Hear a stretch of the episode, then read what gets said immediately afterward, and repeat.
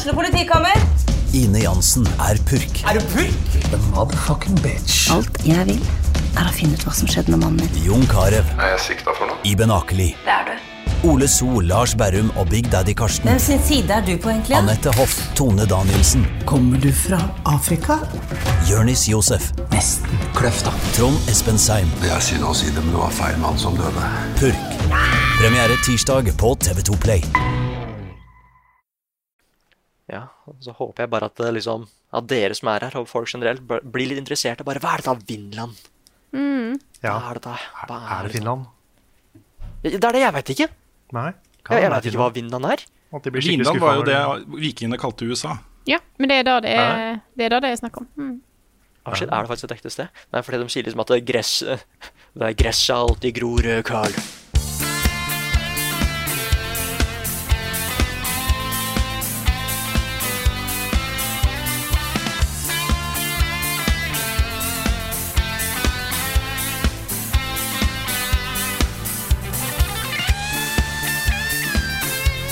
Nå sitter vi her nok en gang samla, og denne uka her så er det noe spesielt vi venter på. Nå er det ikke mange dagene til Sonic-filmen kommer ut. Og Oh jeg vet at jeg vet det er helt, insane. Her sitter jeg nå i dag med Niklas Halvorsen, Carl Martin Hogsnes og Rune Fjell Olsen, og jeg vet at det er en av dere som er mer gira på den filmen enn andre. Rune, er du klar? Um, um, jeg, eh, jeg gleder meg til å snakke om den. Det, går det an å si det? Jeg gleder meg til å snakke om den. Ja, Eh, men jeg, da, jeg tenker jo ta da har vi litt samme utgangspunkt, egentlig. Ja, For det er det jeg gleder meg mest til også. Ja. Vi, eh, jeg har jo eh, tenkt til da, å prøve å lure ungene mine ut av, av skolen den dagen. For vi har jo fått uh, lov til å gå på pressevisningen, som er da onsdagen. Uh, rett og slett, For da har vi muligheten til å snakke om det i den podkasten som kommer på fredag, som den filmen har premiere. ikke sant? Yeah. Jeg har litt lyst til å dra med meg kidsa, altså. Um, jeg får se om jeg får det til. De har jo egentlig ikke lov, da, med mindre det er sånn dødsfall i familien eller noe veldig veldig viktig, eller de er sjuke eller noe sånne ting. Ja, Så men jeg det, vet ikke- oppfyller jo det noe veldig, veldig viktig. Ja. ja, jeg må ordlegge meg på en spesiell måte. Jeg kan ikke si at jeg har lyst til å ta dem med og gå og se Sonic. Så Altså, det kommer jo helt an på hvor Sonic-fan læreren er, da. ja, det er sant. Ja, han læreren til sønnen min er jo eh, veldig gamer. Veldig gamer. Så han hadde forstått det. Ja. Garantert. Men uh, ja, vi får se.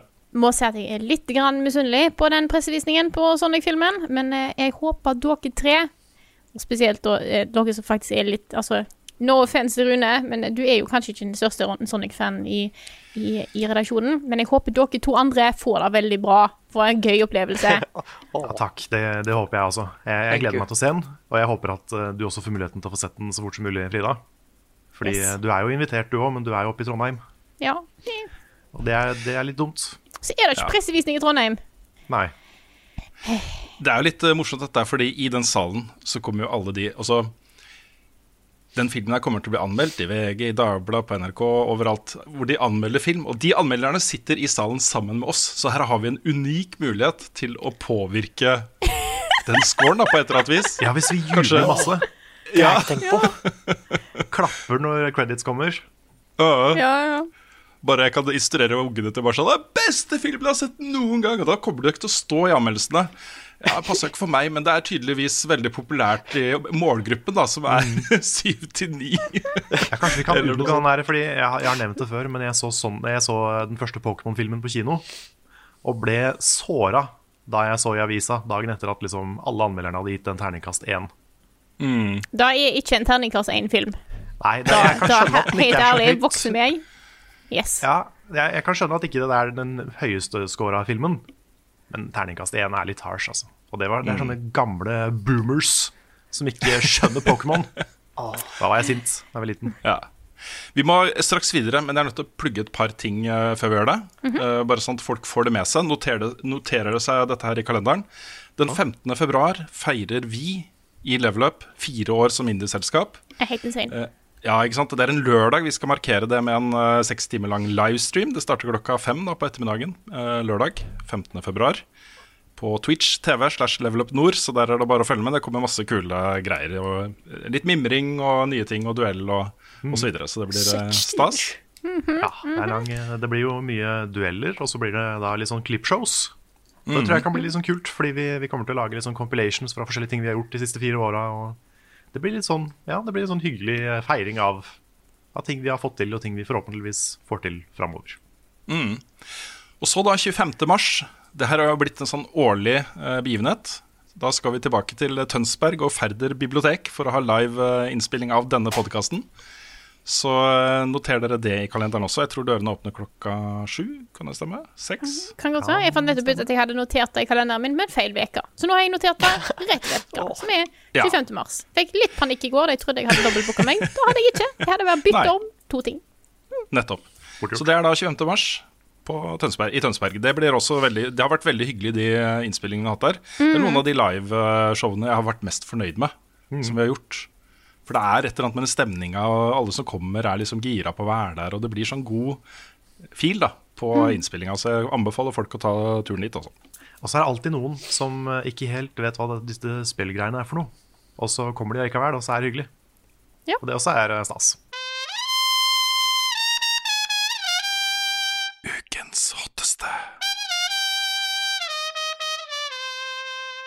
Men selv om vi har jo lyst til å si at Sonic er toppsaken her, eh, selv om det egentlig ikke skjer før neste uke, så det blir jo sikkert snakket mye om det da, men det er noe annet som har skjedd nå i det siste. Ja. Rune, take it away. Vi, vi har jo um, fått litt ord på oss da, til å være en redaksjon som er litt sånn kritiske til et par ting.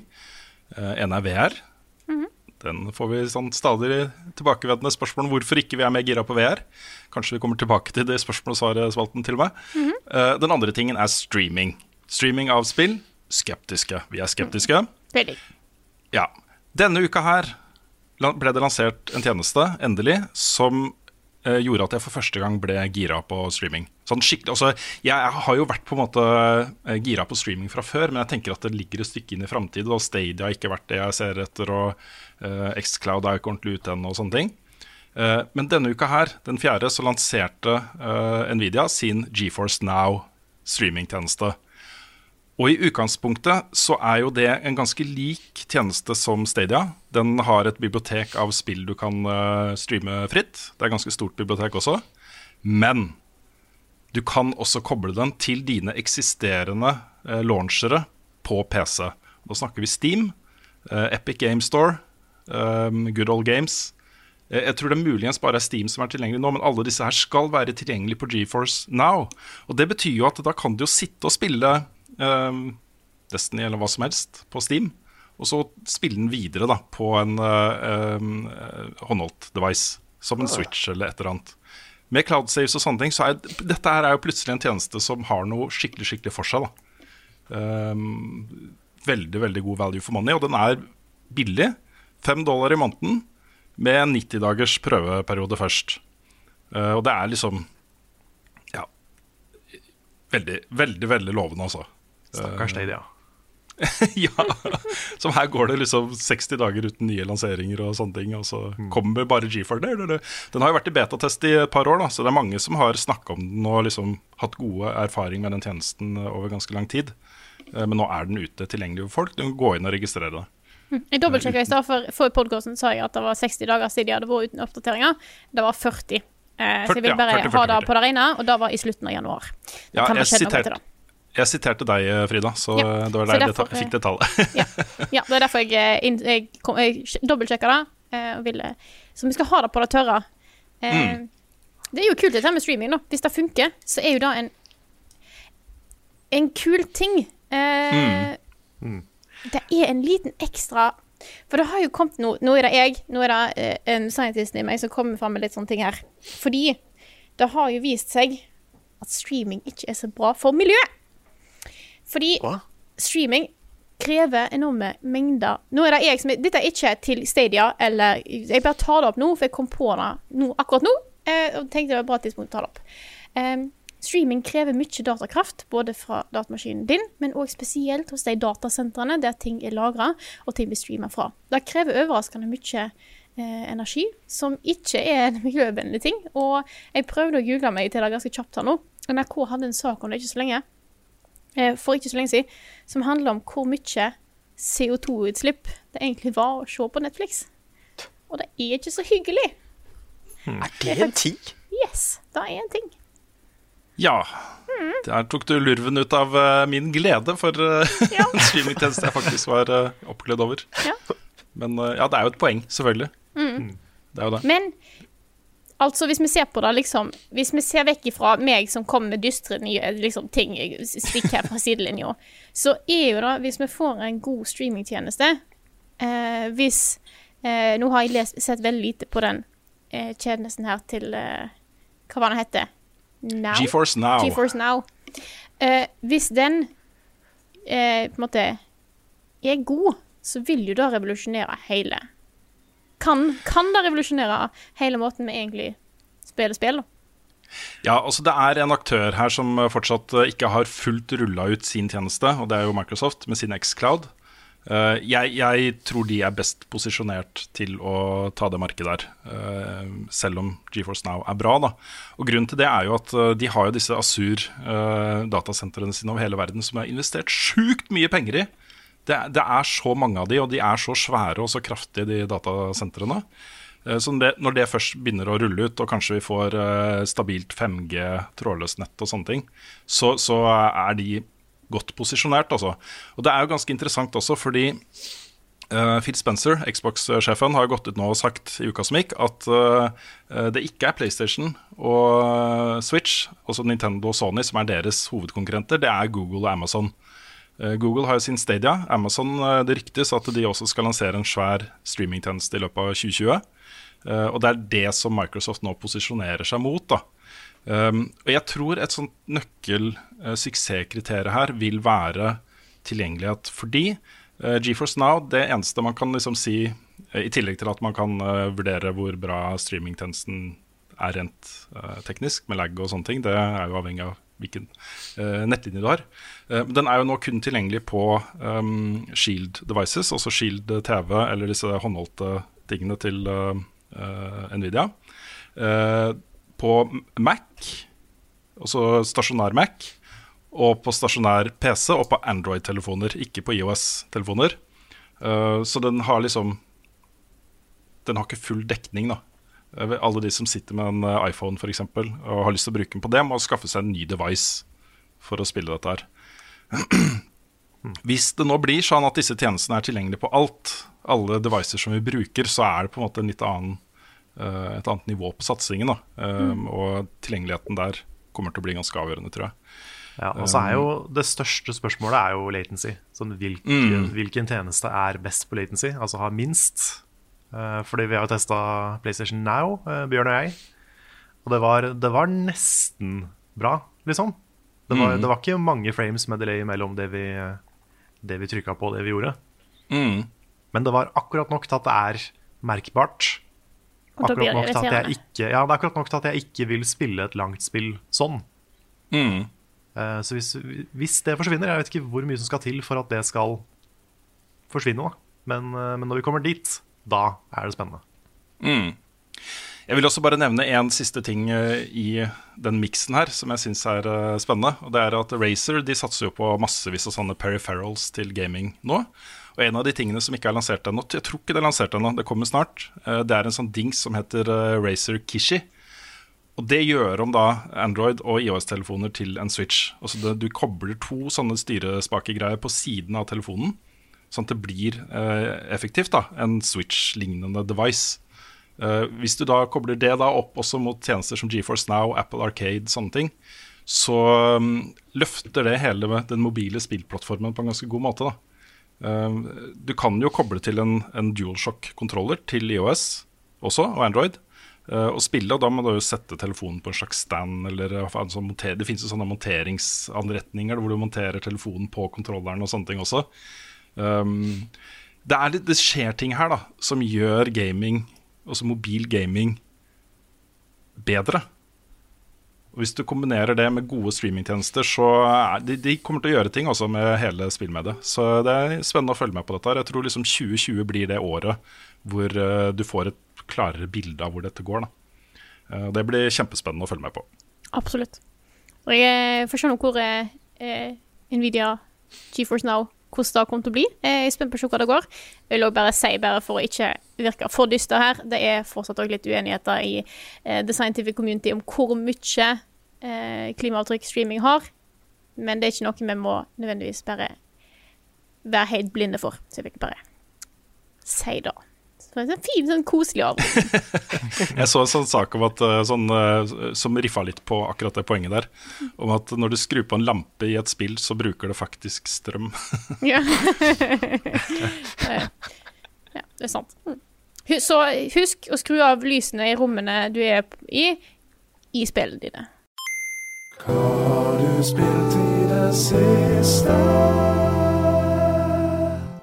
Ja, vi har kanskje ikke spilt ting på den sjukt fancy streamingplattformen ennå, men vi har spilt spill på den vanlige, konvensjonelle måten. Har vi ikke det? Jo, Gam- Ja, Det er sant. har du lyst til å begynne i dag, Nick?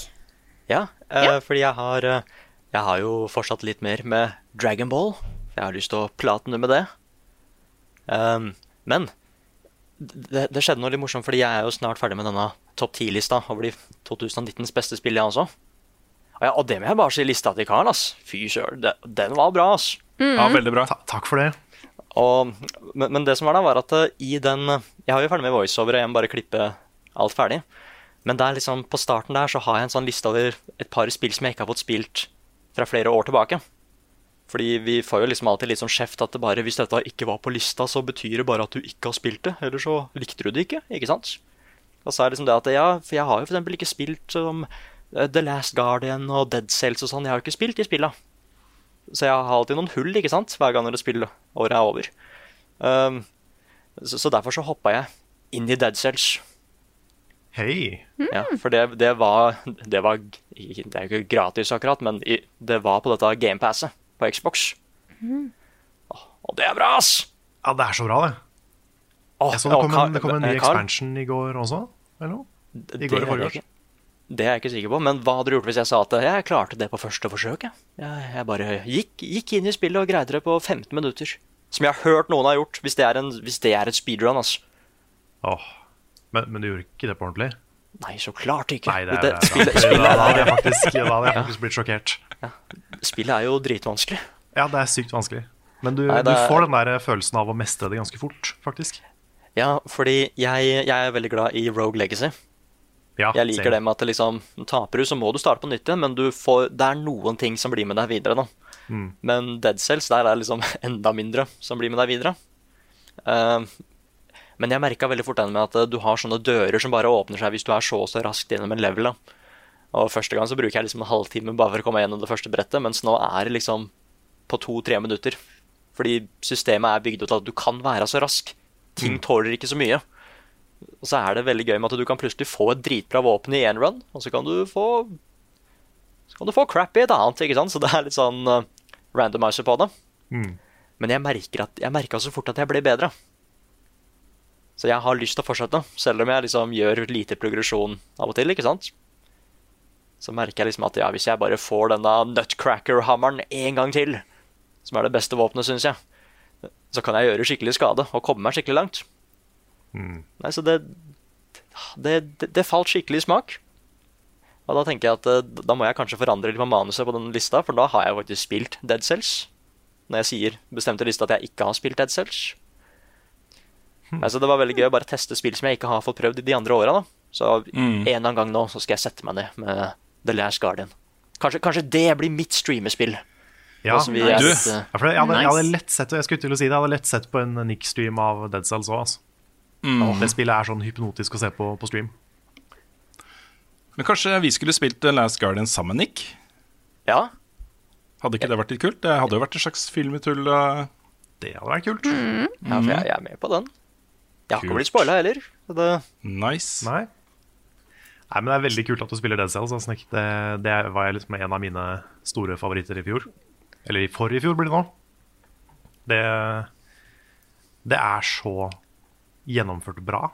ah, Det er bare den, der, den, den flyten i det. At det liksom, det, bare, alt føles helt riktig. Og Mm. den, den der ice blasten, den også er veldig, veldig bra. Ja, den har jeg bare fått et par ganger. Ja, den, Og den er så var en av mine favoritter. Men det er bare så deilig å sette seg med i et spill som jeg har hørt har fått så mye praise. Og så spiller jeg det bare sånn et par minutter, og herregud, de har rett slett. Jeg vet hva de snakker om.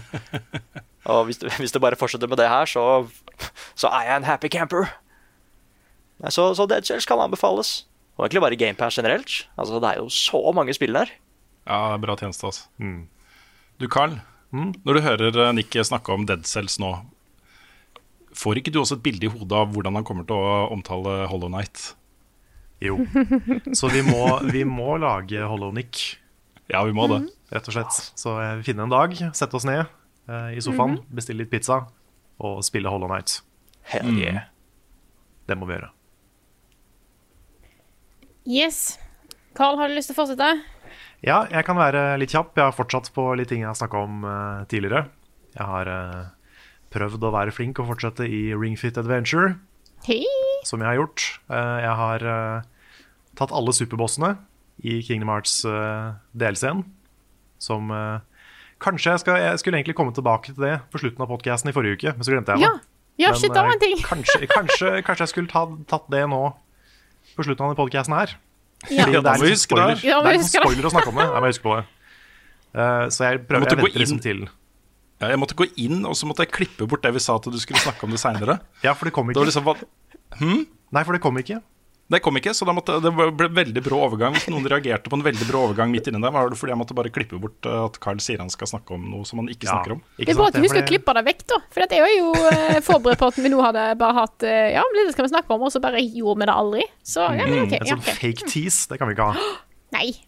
Nei, men nå kommer en ekte tease.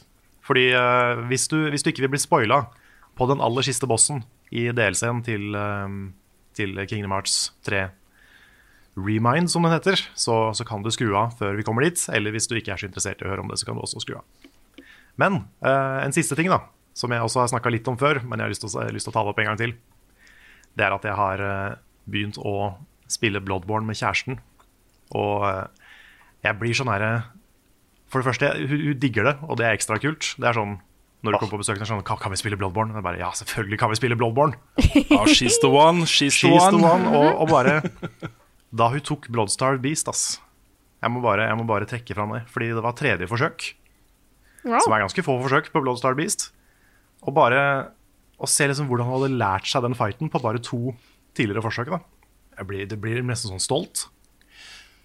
Men du, hvordan er du som sånn kjæreste sånn backseat driver eh, på dette her? Er det vanskelig å se, gjøre en feil, liksom? Får du lyst til å korrigere en underveis og sånne ting? Altså, det, er, det er sånn både og. Fordi eh, jeg syns ikke hun gjør feil. Det er ikke sånn at jeg blir irritert. Uh, men jeg kjenner jo spillet så godt, for jeg har spilt det så mange ganger. Så jeg blir litt sånn der, jeg får lyst til å si at der er det en ting, og hvis du går dit, så kan du plukke opp det, og så er det en quest der som er lett å fucke opp. Og jeg har lyst til å si sånne ting. Eh, Jeg prøver ikke å si for mye. Så jeg er litt på sånn soulmates-nivå.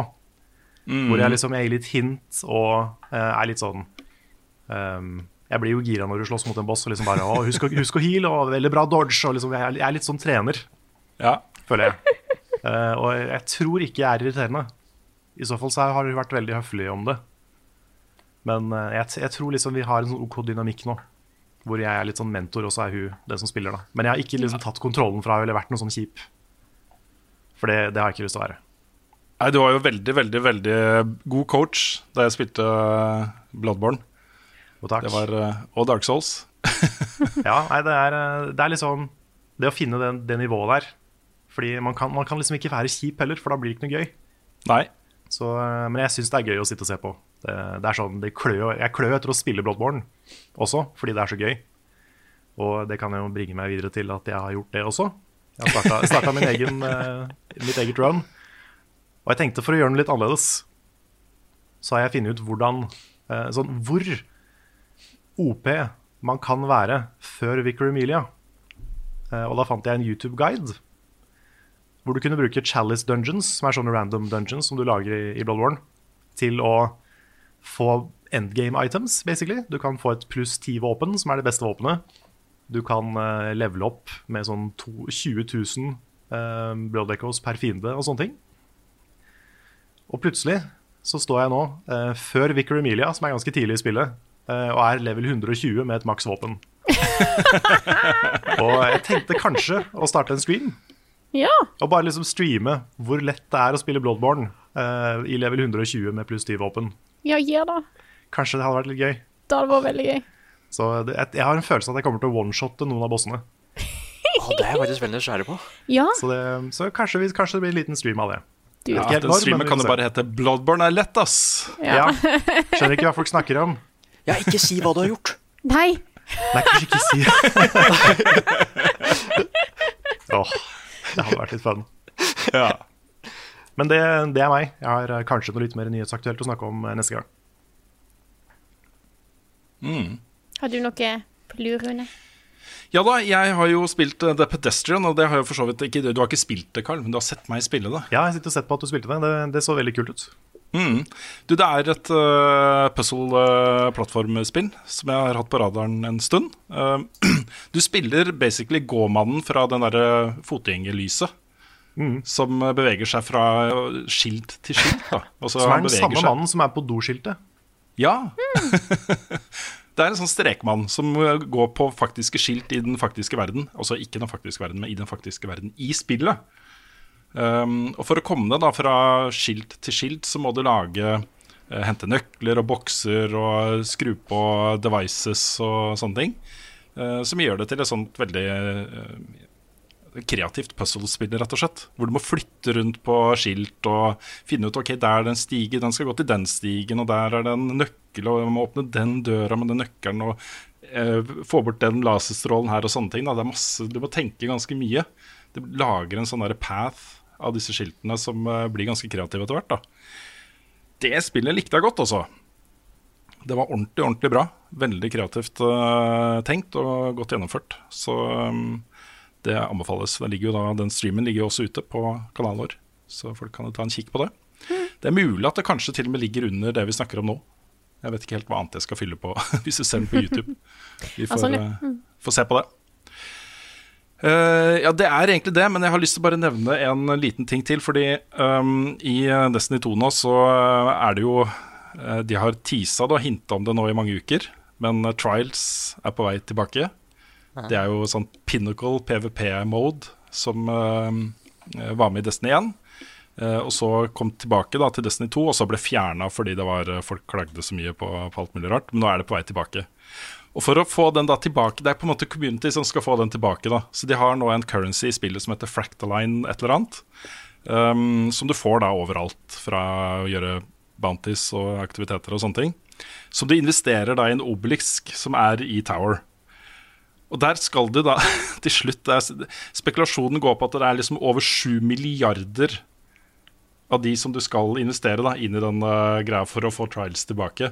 Så du ser når du kommer til toweren, og så står det bare en bunch med folk foran den obelisken og bare dytter inn. Og det tar fem sekunder da, å legge inn 100. Uh, og etter hvert, da, så, uh, for hver uke som går nå framover, så får du mer og mer tilbake gratis. Og sånn Fractaline-greier. Uh, så neste gang jeg logger meg på, så tror jeg jeg har sånn 100 000 som jeg skal Jeg håper de får et system der for å legge inn i bulk, da. Eller så må jeg legge inn 100 og 100. Si jeg har 100 000, jeg skal legge inn 100 og 100, og det tar fem sekunder for hver jeg skal legge inn.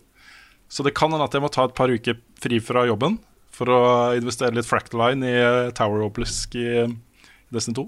Men eh, Veldig det er verdt det for å få, ja, vi må få trials tilbake, da. Gleder meg til det. Ja, jeg har ingenting, så jeg jeg regner på at du er nødt til å bruke 1,4 timer på å legge inn eh, 100 000. Det var ikke så ille.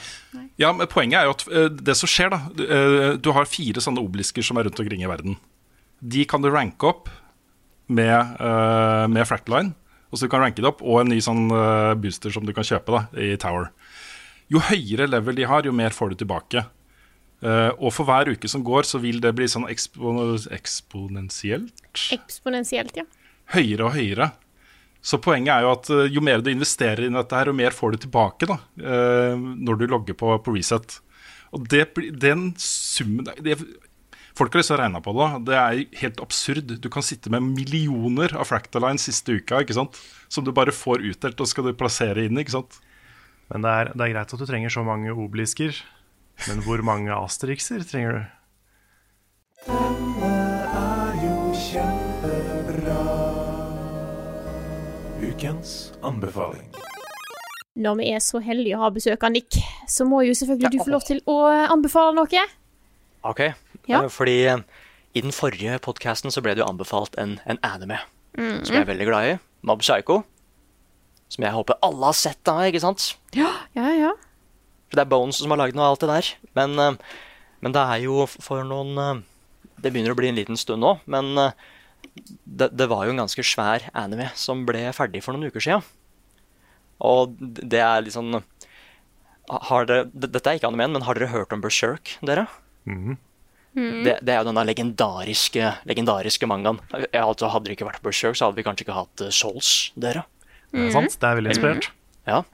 Uh, men det er jo en sånn svær liste over liksom, mangaer som ikke får den riktige den behandlingen, den anime-behandlingen den fortjener, ikke sant? Eh, og besøk er liksom på toppen av den lista. Eh, men eh, så er det da at da vi var i Spania, så, så, så kom Frida med en liten anbefaling. Yes. Og, ja, og da sa hun at Fordi anbefalingen min er Winland Saga. Eh, og det handler om da om Det handler om vikinger.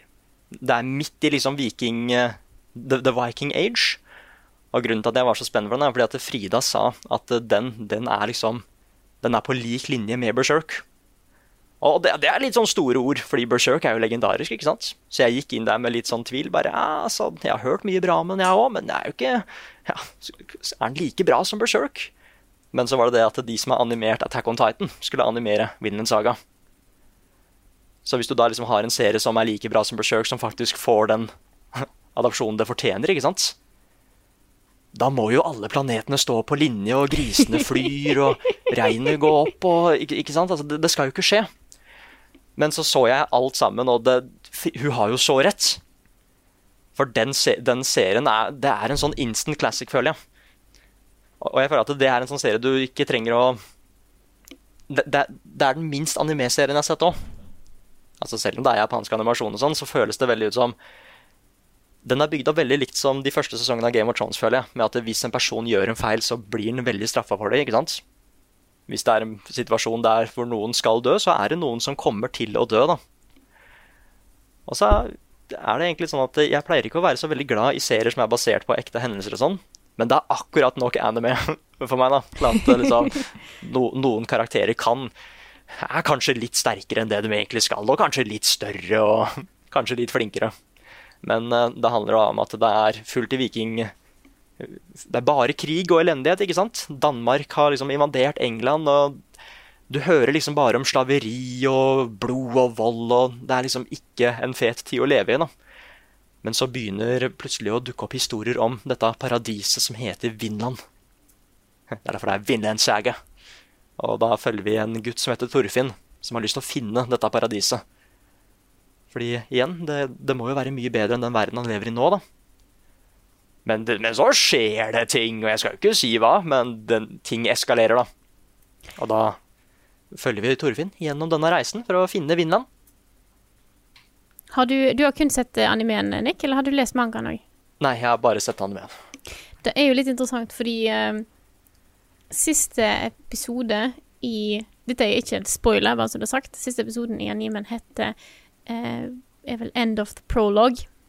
Ja. Fordi den serien er en sånn Det er ikke, det er ikke helt episk eh, i liksom dens forstand. Det er ikke langt ifra. Den serien går eh, Den er så langstrakt at eh, det er en grunn til at på en måte, det som er vist nå i første sesong av animeen, er prologen. det er herlig. Det er helt eh, Den serien er helt ekstrem, og de eh, Jeg syns at mange av de beste historietrådene kommer seinere. Så jeg, eh, jeg gleder meg til å se hva som kommer videre. Eh, hvordan de kommer til å gjøre det. For jeg syns at eh, eh, de har klart å animere det på en veldig god måte. Jeg er veldig fornøyd med adopsjonen de har gjort. Så jeg er spent på hvordan, hvordan de tar det, tar det videre. Men det er sånn som du sier, Nick, at det er flere av karakterene som er i den serien her, som er inspirert av ekte personer. Ja. Mange av de har fantes før. Eh, Han faktisk, faktisk. Eh, så det er Jeg var veldig Jeg har hørt om. Torfinn. Ja. Mm. Ja. Mm. Jeg har hørt om Finland. Vinland. Vinland, Ja, det var det jo USA. det er bare Vikingene en kalte jo oversettelse. Mm, ja. Du, jeg må bare si, jeg må bare si også, jeg er glad vi har deg på laget nå, Nick. Fordi jeg ser litt på release-schedulen til Mandai Bandai Namco nå. Og du har jo allerede fått Dragon Ball Z Kakarot. Ja, ja. Eh, I slutten av februar så kommer One Punch Man, A Hero Nobody Knows. Jeg så det. Ja, I mars så er det My Hero Wants Justice 2. Og OnePiece Pirate Warriors 4. Det hørte jeg ikke om, men oh, dæven. Da, da er det mye. ja. Og så kommer jo um, eh, kommer det jo ting utover året også, men den, uh, våren her, det er jo bare det ene svære anime-spillet etter det andre, liksom. Men du, du får lov å anmelde ting som ikke er anime også, altså. Ja, det gjør det. det, gjør det. Jeg skriver under sånn anime-kontrakt at ja, er jeg anime, så må jeg ta det. Men jeg har veldig lyst til å ta det. Jeg syns det er litt gøy da, når jeg får de mailene. Har, du, har, er det, har dere lyst til å anmelde? Og tidligere så har jeg sagt nei, det er ingen i redaksjonen som, som eh, har lyst til å gjøre det. Så vi, det blir ikke, også, det snakker gamle dager i VG, da. Ja. Nå er det sånn hver gang det kommer ja, Nå kommer det Dragon Ball, det kommer My Hero Academia, det kommer One Punch Man. Vi har en fyr! Vi har en fyr som gleder seg til dette her. Ah, ah, Og da kommer det litt sånn røyk i rommet, og Rune bare tar tak i mobilen sin, Ja. slår et nummer, og så ringer Nick og sier 'It's time'. Ja. er, ja, ah, da håper jeg at om et par år da, så bare har Nick lyst til å anmelde dette anime-spillet her. Står det på Ja, mailen da. ikke sant? Folk bare, det, det, går, rykter om det. Ja, ja, ja. Mm. De har hørt sangene om Nick. Ah. ja, men ja, anime-spill er min greie, altså.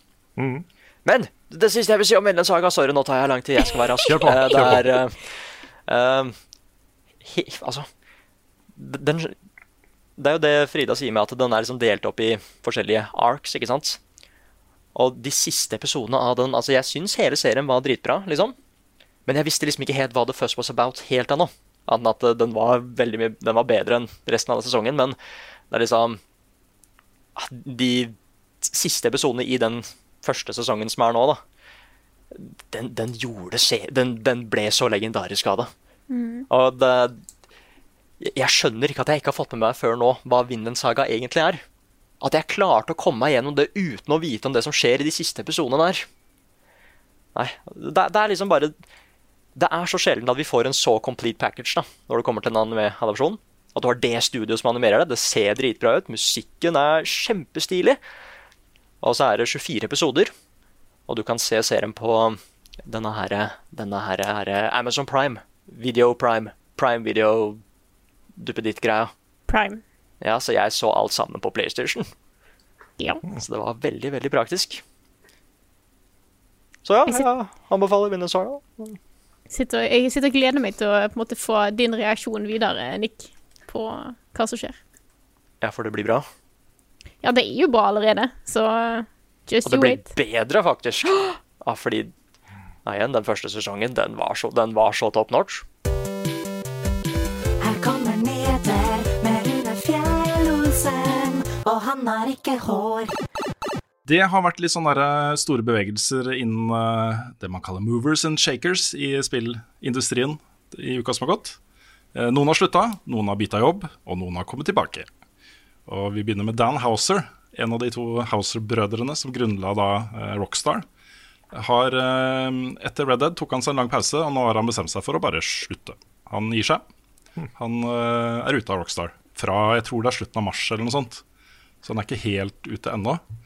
Men det er ganske betydningsfullt, fordi Dan Houser er hovedsakelig da, han som har skrevet manuset til alle de store Rockstar North-spillene, og en par av de andre. Uh, han er liksom hovedansvarlig for manuset til Red Dead Redemption 1 og 2, oh, eh, til GTA-serien osv. Så, videre. så det at han nå er ute, da, det er ganske betydningsfullt. Hvordan skal de tette det hullet, tenker jeg da. Jeg tror nok de klarer det. De har masse andre flinke folk der. Men eh, han har vært såpass stor og viktig for Rockstar at uh, det kan jo bety kanskje en ny retning. For han har jo Også når man snakker om Rockstar-historier, så er det han som har forma de i veldig stor grad. da. Uh, han er jo ikke den eneste som har skrevet manus og sånne ting, men er, han har vært ansvarlig. Uh, og de har jo en viss tone, også en viss måte å fortelle historier på. Ja. De har, et, de har et særpreg som de kanskje mister uten han. Og det kan jo være en bra ting. Kanskje de eh, blir nå frigjort til å tenke litt utenfor boksen. Ikke da at Red Dead Redemption 2 var dårlig, for det var det ikke. men, eh, men det, er liksom, det kan være litt spennende også, da. Ja, for, for min del så er Red Dead 2 er den første Rockstar-historien som jeg faktisk har digga. Sånn, jeg, jeg har spilt en del andre Rockstar-spill, men jeg har liksom ikke vært så engasjert i historien. Det har ofte vært litt sånn For meg så har det ofte vært litt krampaktig, kanskje. Litt sånn edgy for å være edgy. Men jeg syns Red Dead 2 var veldig bra. Jeg Så jeg hadde liksom Jeg gleda meg litt til å finne ut hva den neste historien ville være. Men det, jeg, Mm. det blir jo enda mer spennende nå, uten, uten han. Ja si eh, Dan Houser må ikke blandes med Doug Bowser, som er i Nintendo. Nei, Jeg er syns det er litt festlig. to forskjellige Ja. personer. Å, Ja. da var det flink. Mm. Eller Nei da, han uh, mm. Eh, Nei, det, det, blir, det blir spennende også. Jeg, han har liksom det er, det er litt morsomt med Rockstar, for de er, de er rockestjerner. De gir jo nesten ingen intervjuer. De har ingen innsyn i den kreative prosessen eller noen ting. da Men eh, det er sånn House-brødrene. Det er på en måte de som har reist rundt og samla liksom, Vi må ha de og de musikerne til å lage soundtrack, og de og de folka til å gjøre det og det. Altså, de var veldig involvert da i eh, utviklingen av disse spillene. Så, um, så ja, vi får se. Og så har også en annen stor størrelse, Rod Ferguson, som tidligere har da vært ansvarlig for eh, Gears-serien. har uh, slutta i eh, The Collective og nå begynt i Blizzard. eh, og får ansvaret for Diablo-serien der. Så han eh, Ja, det er nå, liksom. Han starter nå. Og det er jo ganske spennende. Det er jo to store Diablo-spill på vei. Um, et til mobil, Ja. og da Diablo Det er 4. To Diablo-spill på vei. Ja. Ja. to Diablos på meg. Uansett, da. Det er, eh, vi vi snakka om det Var det forrige uke? Vi snakka om Blizzard? Ja. ja. De må ta noen grep nå. Og det, det, det føles jo litt som om de gjør det. da De har fått en ny toppsjef for, eh, for spill, alle spillene. Uh, og eh, dette er på en måte den første store ansettelsen han har gjort da innen ledelsen i liksom, de spesifikke teamene. Så ja, de trenger litt forankring i toppen, og det er uh, kanskje det han kan tilføre. da Rod Ferguson er kjent for å være en veldig hyggelig fyr og flink fyr, og godt likt uh, blant uh, de han har jobba sammen med, så det virker som et bra valg. Kan også da nevne kjapt at i og med at vi var så harde mot Blizzard forrige uke, så er det jo greit å få med seg at Blizzard har gått ut og sagt sorry, og at de lover å fikse Warcraft 3 Reforged. Så det kommer de til å jobbe kontinuerlig med nå. Jeg er ikke overraska over at de sier det, også, men det er jo De kunne jo bare liksom Don't you guys have uh, et eller annet? Ja, og så tatt litt den holdningen til dette. Don't you guys have GOG? Ja. Ja. De eh, sa jo unnskyld på en måte. ja, jo.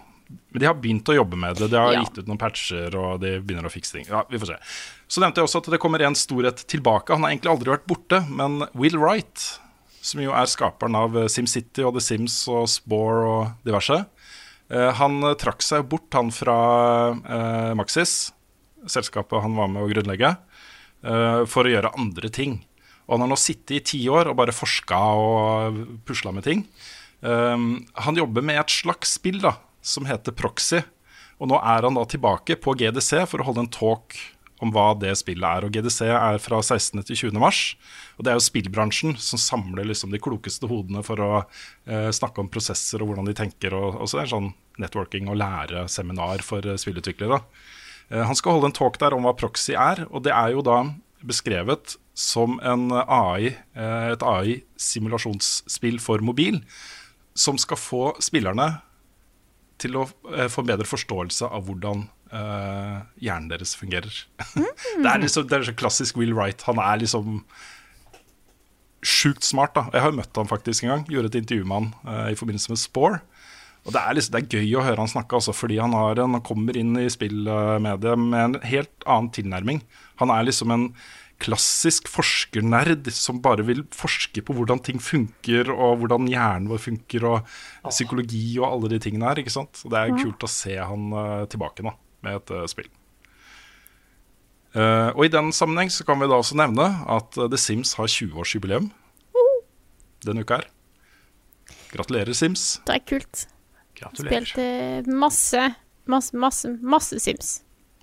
Masse Sims. Masse Sims 1. Seriøst mye Sims 2. Solid dose Sims 3. Litt Sims 4.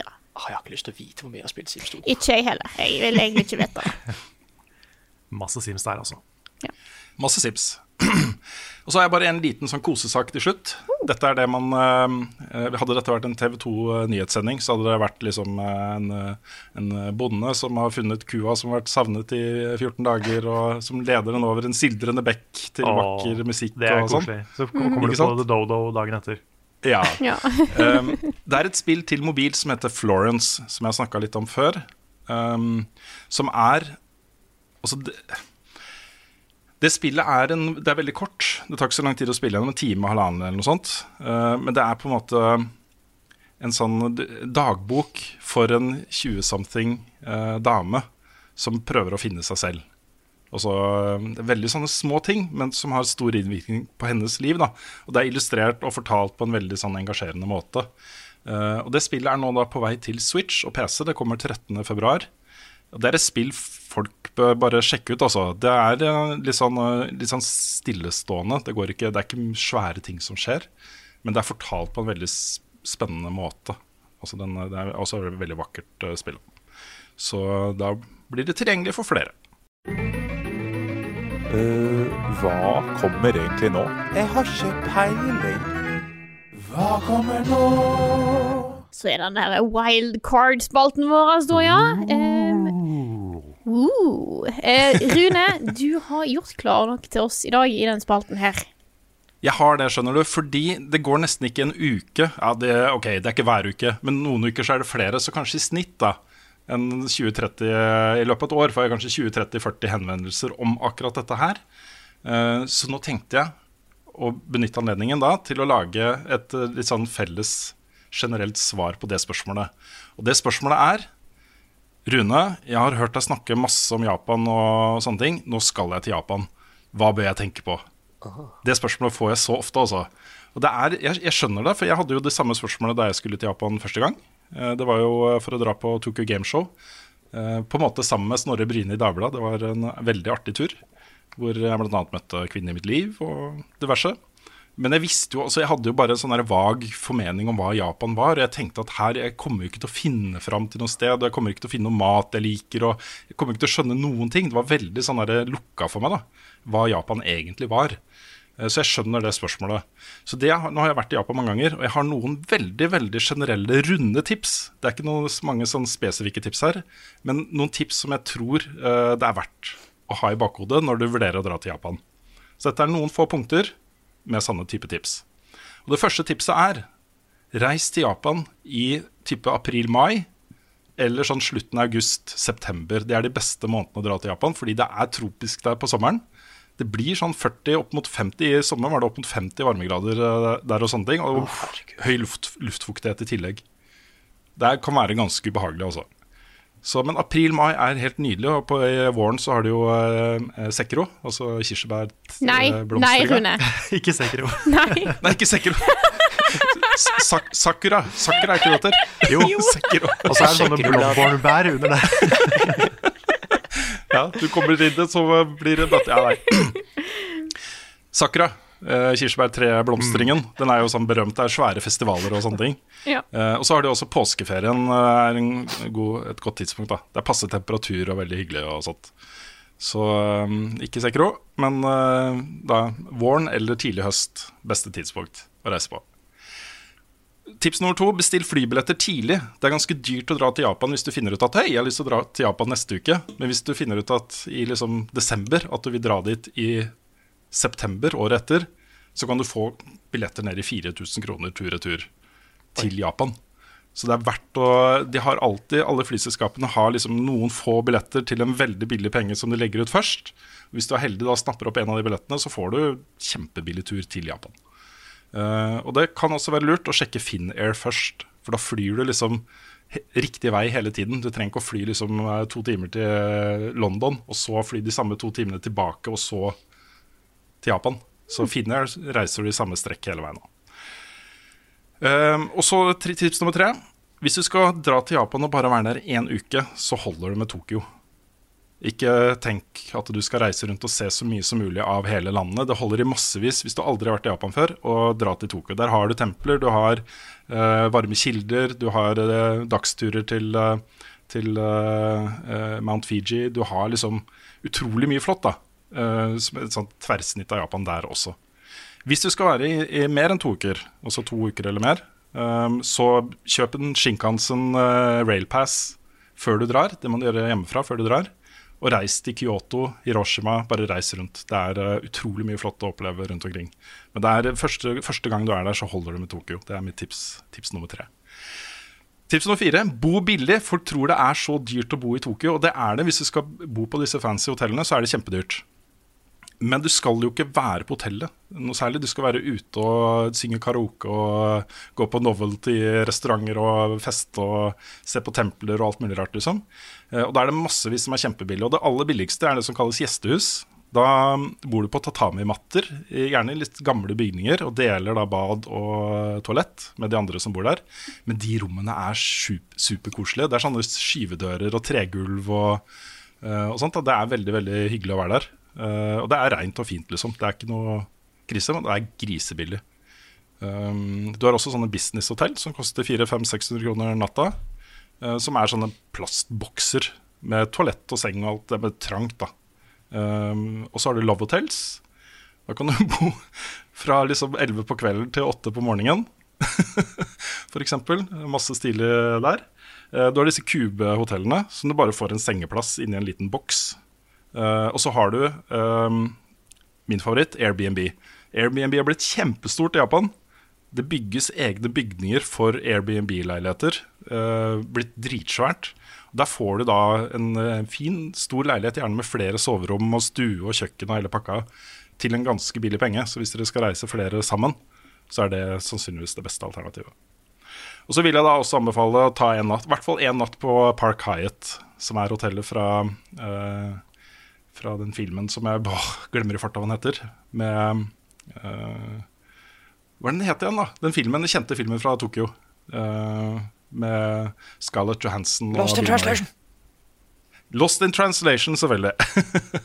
det hotellet der er min favorittplass på hele verden. Jeg bare elsker det stedet. Det er eh, De rommene er helt fantastiske. I 54. etasje så har de New York Bar and Grill, som er mitt favoritt, min favorittbar med sånn panoramautsikt over hele Tokyo. I 54. etasje.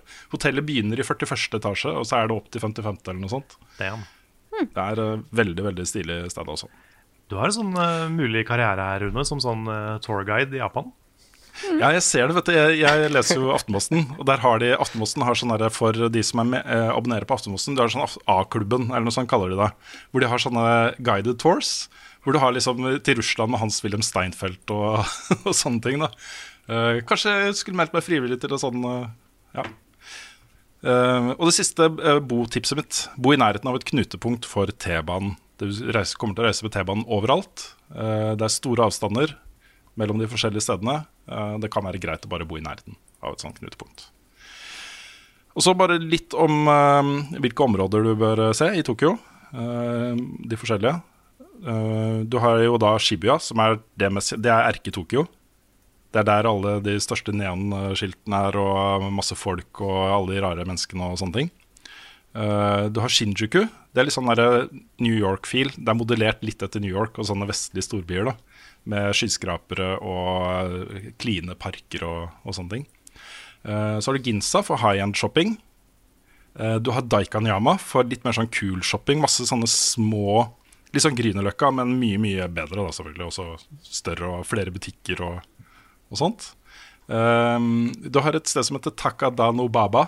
Det, det forkortes gjerne til Baba. Uh, det er sånn student uh, Det er Tokyo University, ligger rett i nærheten her. Så det er et sånt studentområde med utrolig kule barer. Og en av de barene jeg var på der eh, en gang, så var det sånn jazzbar. Med en åpen scene. Da satte det seg ned en, en fyr ikke sant, og begynte å spille gitar. Og så kommer det en og setter seg på piano, og så kommer det en med saksofon, og så plutselig så jammer de. da Det er bare folk som går dit. Det er ikke noe avtale, de bare setter seg ned og spiller. Det var utrolig stilig. altså Um, og så har du eh, Odaiba.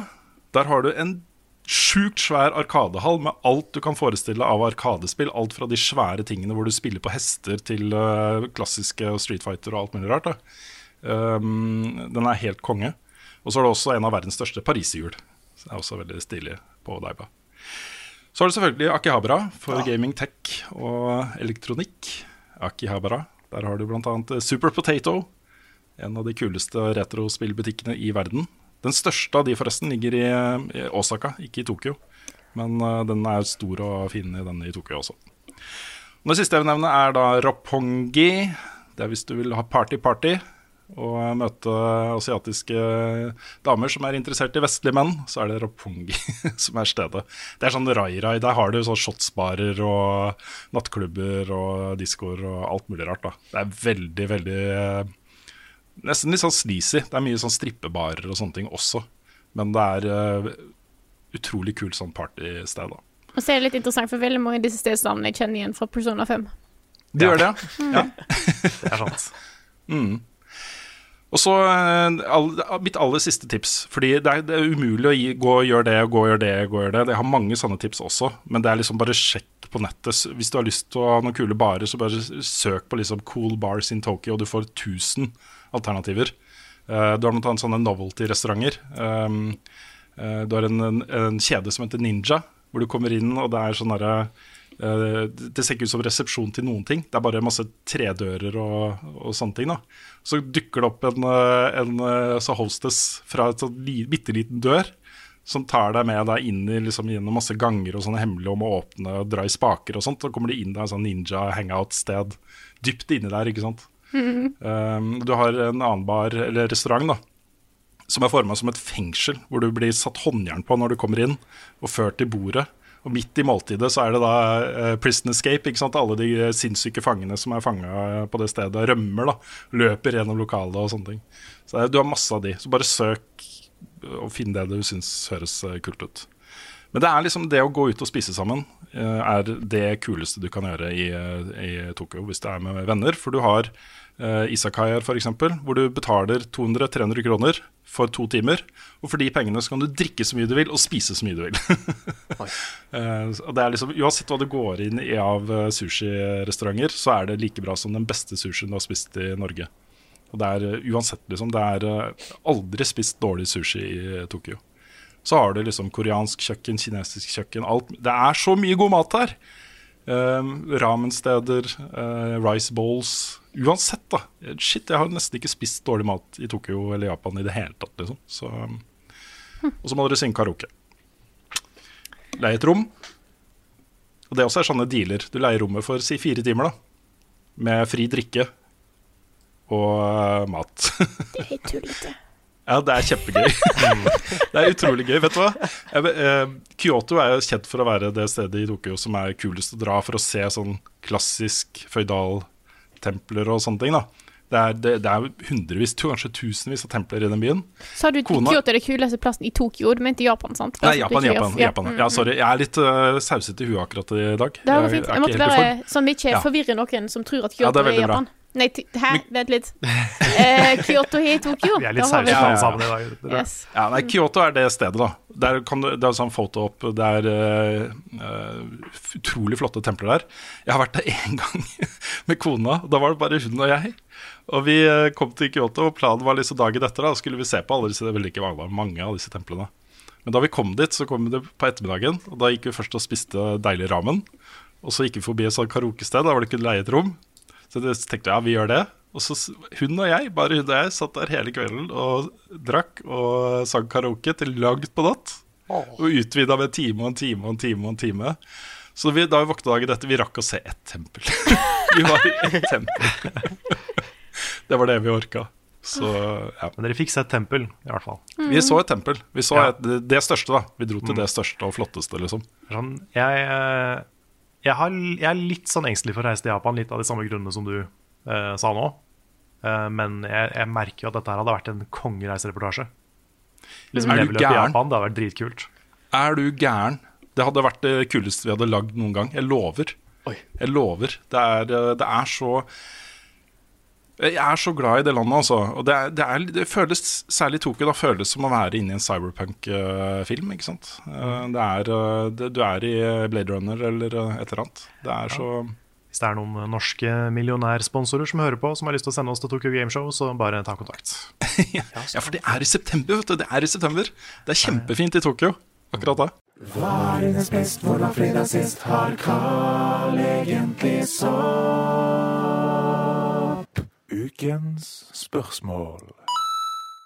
Forrige uke hadde vi fått inn så utrolig mange bra spørsmål at vi tok jo utsatt et spørsmål til denne uka her, på en måte. Så da tar vi det nå. Det er fra Martin Herfjord. Han skriver han prøver igjen. Hva skal til for at Norge kommer på høgde med Sverige og Finland sitt nivå innenfor spillproduksjonen? Mm, Martin er jo han som har lagd uh, vignettene våre. Ja, bare fint. Så- Det er det. Mm. Eh, nei, det er jo et godt spørsmål. Jeg, jeg føler vi har kanskje snakka litt om det fra før. Men det er jo noen uh, noen store uh, forskjeller som skjedde for noen år siden. Og jeg, jeg føler at det som skjedde da i nabolandene våre, egentlig både Finland, Sverige og Danmark, var at de fikk opptil én, i hvert fall én, da, men opptil flere svære internasjonale suksesser som solgte og solgte og solgte i bøtter og spann. Og de tjente så sjukt mye penger og ansatte sant, utrolig mye folk. Ja, for dette er, Um, dette er spill som ikke bare ble hits, de ble nesten memes. Altså sånn Angry Birds og Minecraft ble jo sånn massiv kulturting, ikke sant? Ja, ja, ja. Og i Sverige, da, før det, så hadde du Dice med Ja. Battlefield. Som ble en sånn internasjonal megasuksess som alle spilte. Og det som skjer da når du får en sånn type suksess, er at først så støvsuger jo da Dice Sverige for talent. Så alle som er flinke til å lage spill i Sverige, får jobb i Dice. Uh, og så må det jo gå utenlands for å rekruttere resten. Men da er jo behovet der, for arbeidskraft kommer med å ha et så stort selskap som lager spill. uh, internasjonale suksesser, blockbuster-spill, for et internasjonalt marked. Så da jo, måtte jo utdanningsbiten på plass. Uh, skolene måtte tilby linjer som gjorde at folk kunne få jobb i Dice. Og alle de andre selskapene som vokste opp eh, basert på, eller inspirert av den suksessen. Og i noen tilfeller direkte resultat av, fordi eh, etter da å ha jobba i noen år i Dice, så løste folk inn aksjene sine og starta eh, flere nye selskaper som fikk sine egne internasjonale superhits. Og så, videre. så det var en sånn snøballeffekt da, som, som påvirka hele greia i Sverige. Ja, fordi- så utdannings... Mm? jeg tenkte på Finland. Finland har jo Rovio. De har Remedy. Mhm. Og de har eh, Hva heter de som lager Trials igjen? Redlings? Uh, Redlings, ja. ja. Har de flere mm. store? Ja, de har Er det, det, er det Colossal Order som er finsk? Ja, det er det. De som har City Skylines. Ja, Mm. ja nei, men det var særlig jeg tror jeg da Rovi og Remedy som uh, sparka i gang den uh, svære greia der. Mm. Eh, Danmark har jo Hitman-serien, Ja. blant annet. Sverige har Um, Paradox. Ja. Mm. Men da ikke sant, utdanningsbiten kom på plass. Det er flere skoler som tilbyr spissa utdanning mot uh, spillutvikling. Og så kommer investorene på banen og begynner å investere penger, for her er det ikke sant, penger å tjene. Og det å investere penger i, uh, i uh, spill som kan bli svære internasjonale suksesser og generere millioner på millioner av kroner i inntekter, da sitter liksom investorkronene litt løsere. da. Ja, det er rett og slett et spørsmål om penger. At eh, vi, folk må få opp øynene for at det, det er penger å tjene på spill, rett og slett. Sånn som vi, Det har jo skjedd med e-sport nå, at uh, veldig mange norske e-sportstjerner har kommet fram. Derfor så satser mange mer på, på e-sport. Det Mm. er jo òg altså det er For noen få uker siden så diskuterte vi jo eh, Tencent sitt oppkjøp av Funcom. Eh, og vi er jo ikke nødvendigvis eh, kjempepositive til Kina. Men et sånn type en sånn type investering der det blir kommet mye penger inn i et selskap, kan jo være noe som hjelper til med å utvikle videre norsk eh, spillindustri. Ja da, og Funcom har jo vært på randen av sånn Dice-type suksess flere ganger. Først med Anarchy Online, så med, um, med Conan Um, Hva heter det online-spill? Nei. Nei, nå tenker jeg på um, uh, det online, store online-spillet deres. Ja. Heter ikke Conan Å, herregud. Age of Conan. Age, Age of Conan. Age of Conan, ja. Um, og det, er- altså De har vært på nippet, da. Uh, og i alle de tilfellene hvor det er gitt ut sånne svære spill som er på nippet til å kunne bli sånne svære internasjonale suksesser, så har de tidligere ikke havarert, men også det har vært tekniske problemer.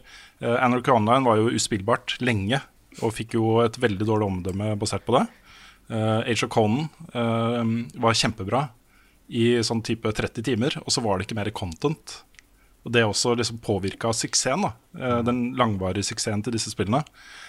Så vi har liksom ikke kommet helt på Battlefield-nivå ennå. Eh, det som skal til da, for at Norge skal komme på det nivået, er det. Du må få en sånn derre gigasuksess som er på høyde med det beste du får internasjonalt. Eh, for det, da får du den samme snøballeffekten her i Norge. Um, har, jeg føler at nor norske spillindustrien har tatt en litt annen tilnærming. De har liksom ikke Det er mulig de har prøvd, da. Jeg tror ikke de har prøvd sånn ordentlig å hente inn uh, en investering på én milliard kroner for å bygge et svært fett spillstudio. jeg tror ikke de har gått den veien. De har konsentrert seg om å lage liksom kvalitetsspill uh, for et smalere marked. da. Eh, og der er det jo på vei til å bli noe som, er, uh, som har høy uh, status internasjonalt også, men innenfor da indie-segmentet mer enn blockbuster-segmentet. Så, så er jo Norge et lite land, da. Det bor flere mennesker i Sverige og Finland og, og Danmark. Um, og det, er, det har litt å si, altså. Det er vanskeligere å få en sånn ting til å rulle skikkelig med bare fem millioner mennesker som bor her. Da. Så ja. Korte svaret er at jeg tror det er det du trenger. En svær, svær blockbuster megasuksess uh, som bare uh, skaper et nytt uh, marked. Yes, har vi et spørsmål til på lager? Ja, Ja. kan Ja, vi har jo opptil flere. Jeg har notert mange. Ja. Ja. Har du lyst til å begynne, du, vil Rune? du begynne, eller? Ja, jeg, jeg har lyst til å ta det spørsmålet fra Thomas eh, Tenhold Vannebo. Eh, og Det er et spørsmål du får ganske ofte, men som vi også bør svare på ganske ofte. Eh, og Spørsmålet er hvordan det står til med Buffkitten. Er økonomien god, og er den på rett kjør? Kjør er vel kjøl, kanskje? Jeg vet ikke. Ser det ut til at eh, 2020 blir et godt år for dere? Og Det er jo, det spørsmålet her er jo det som holder oss våkne om nettene, Karl. Ja, blant annet. Blant annet. Vi ehm, Jeg må innrømme at det, det føles litt som om vi eh, har liksom i fire år nå stått litt på stedet hvil eh, økonomisk. Vi har jo ikke tjent verken mer eller mindre enn i starten. Ehm, og det, det, svaret på det spørsmålet er fortsatt at vi trenger egentlig dobbelt så mye penger som det vi har. For å få til noe som, eh, som er bra nok på sikt. da. Ehm, og det er helt konkrete ting vi trenger. Vi trenger nikk. Oh, yeah. Vi trenger et uh, kontor slash studio som er bare vårt. Hvor vi kan uh, være tre, eh, kanskje med frilanspult til Espen og sånne ting også. Tre-fire stykken som sitter og jobber sammen og uh, produserer ting sammen. Um, og vi trenger mer, en bedre lønn. Alle, hele bunten. Alle som jobber med ting for oss. Vi fikk, jo, vi fikk jo sånn økonomisk fikk en liten opptur i fjor. Da vi Mhm. fikk litt mer svære deals og oppgaver og ting vi kunne gjøre sammen med kunder og ting og tang. Så Mhm. det var jo veldig, veldig spennende. Så er det å holde det momentet i gang, eh, forhåpentligvis, da. Ja, for vi har moment, men spørsmålet er om Jeg er usikker på om vi har stort nok moment, fordi Eller momentum heter det vel da, kanskje. Mm, ja. Det skjedde noe da vi runda 30 000 abonnenter på YouTube. Plutselig nå så har vi opptil flere annonser på podkasten. Det er kjempebra. Eh, det, det kommer flere også utover våren som vi skal spille inn eh, neste uke. Um, og det er, det er en sånn jevn strøm av inntekter. Som er ikke utrolig mye penger, men det er penger. Det er et rent netto pluss på regnskapet vårt som eh, kommer veldig godt med. Eh, vi har en uh, veldig fin og spennende avtale med Eldorado, dette nye senteret som skal åpne uh, i Oslo til sommeren. Vi har samarbeid med Good Game. Også det skjer ting der som potensielt da kan eh, generere de inntektene vi mangler. Men eh, det er en slags oppfordring, da, til, fordi det er jo rundt 1000 mennesker som backer oss på Patron. hadde det vært 2000, så hadde vi ikke trengt å bekymre oss for noen ting. Da kunne vi ansatt Nick. Vi kunne ha skaffa oss det kontoret vi trenger, og kjøpt inn det utstyret vi trenger. Eh, og eh, vi hadde kunnet senke skuldrene og konsentrere oss om å lage eh, et level up-produkt, som er det vi egentlig har lyst til å lage. Fordi eh, det blir litt sånn vi jobber og jobber og jobber og jobber og lager de tingene som vi må lage for å holde dette i gang. Men det er så mange ting vi har lyst til å gjøre. Så mange er planer og er konsepter og sånne ting som vi har liggende. Som, eh, som hadde vært så fett å få til. Ja, Jeg må innrømme for min egen del at det begynner å bli litt slitsomt. Ja, eh, altså bare for å si det sånn siden jeg alltid føler for å si det. det. Dette er ikke en oppfordring til de som allerede backer oss om å backe oss med mer. Fordi Nei. eh, målet med Patreon er jo at mange skal gi litt, ikke at få skal gi mye. Så Mm. hvis man allerede er backer på Patreon, så er vi ikke føl at du ikke gjør nok, for det gjør du virkelig. Ja, ja, ja. Det, er, det setter vi kjempepris på uansett. Og så Snittet på Patron er jo mye høyere enn det egentlig burde være. Uh, Ja, egentlig. Det burde vært flere som ga mindre, jeg er enig ja. Det hadde hjulpet Så- litt på samvittigheten vår også, noen ganger. Ja. Nei, jeg, Men- jeg tenker jo sånn at det, det er vi Det hadde jo vært flott da hvis vi kunne skaffe eh, For nå tjener vi da ca. en million kroner i året på Patron. Det er mye penger. Det er mye penger. Det, er, eh, det skal jo fordeles og skattes og arbeidsgiveravgift og alle altså, er ikke, vi, kan, vi deler ikke en million kroner på to, Carl og jeg, og det, for da hadde vi hatt det ganske bra. Ja, hadde vi hatt eh, 500 000 i året, så hadde jeg klart meg veldig fint. Ja. Um, uh, nå mister jeg litt eh, tråden på hva jeg skulle si. Men uh, vi, jo, vi trenger en million til. Um, og det kan godt tenkes at vi klarer å få det fra sponsoravtaler og fra annonser og fra uh, betalte ting, liksom. Altså fra andre ting. Men det er tunge penger å hente inn. Det, er, uh, det, det, det krever mye av oss, da. Så Ja. vi får bare se hva vi får til. Ja, det å drive og sende mailer fram og tilbake med kunder om, sponsor og sånne ting, det er en jobb. Ja, det er det, altså. det var ikke jeg helt forberedt på hvor mye faktisk fram og tilbake det var. Mm. Men det har vi fått erfare. Mye vi lærer av å drive eget selskap. Mm. Men, men som du begynte å si, da. Jeg tror en ting som blir viktig framover, det er også uh, for spesielt kanskje Rune og meg, som gjør det her på fulltid, uh, å tenke litt mer på helsa enn vi har gjort. Fordi Mm. det Vi har jo vært indie i nå fire år, og det er en påkjenning. Å ikke være sikker på fremtiden, det å skulle Hvert minutt du jobber, er et minutt som kan gjøre det bedre for, for deg. Og det å da legge vekk jobb er vanskelig. Det å ikke tenke på å drive med jobb hele tida er veldig vanskelig. Og det er jo ikke sunt i lengden. Nei. I det hele tatt. Så jeg tror, vi har, jeg tror jeg snakker for begge to når jeg sier at det, det har hatt litt sånne effekter på oss mentalt som ikke er helt Mm. bra. Så, så det er også en ting vi må tenke på. Ja, det er eh, helt eh, Det er veldig riktig det du sier der. Men det vi rent konkret da har tenkt å gjøre nå i 2020 Fordi eh, det er ikke snakk om å legge ned i morgen. Vi har ingen planer om det. Vi har nå 2020 ser ut som et spennende år. og Det er mange ting som kan lande nå som og det, Jeg føler vi har sagt det hvert år, da. Ja. Men nå er det konkrete, konkrete ting med ganske um, høye summer og, og sånn som faktisk betyr noe. da. Jeg er mer positiv nå enn da jeg har på en måte vært. Samme Og jeg har ikke helt Ja, mm, bare så det er sagt. Ja. Eh, mm. Altså det vi skal gjøre nå rent konkret eh, hvert øyeblikk Nå har vi dette fireårsjubileet vårt. Enten da rett i forkant eller rett etterpå så skal vi sette oss ned. Det blir jo da hovedsakelig oss fire som sitter her nå. Mm. eh, og på en måte tegne opp level up 4-0, 3-0, jeg vet ikke helt Ja, hva det blir. Vi skal, vi skal støpe nye level up. Ja. Ja. Nei, Vi skal egentlig bare gå tilbake til start og så begynne med spørsmålet hva er det vi virkelig brenner for å gjøre. Um, oss fire personlig, hva er det vi virkelig virkelig har lyst til å gjøre her? begynner begynne med det spørsmålet, og så eh, blir det selvfølgelig viktig å tenke på hva eh, vi tror de som backer oss på Patron har lyst til å ha. Um, men det vi har lyst til å gjøre, er å rett og slett eh, eh, ikke starte på nytt, fordi det vil fortsatt være anmeldelser. Det vil fortsatt være ting vi lager. Podkasten vil sikkert fortsatt altså, Jeg tror ikke folk trenger å bekymre seg for at dette blir radikalt annerledes. Men vi kan gjøre grep, og vi kan eh, gjøre noe med produksjonen vår som kanskje eh, tilfører en sånn fornying, da. Som jeg Mm. føler vi trenger nå. Ja, fordi når man, har, eh, når man har såpass mye faste ting Vi har ikke massive mengder faste ting, men vi har noen.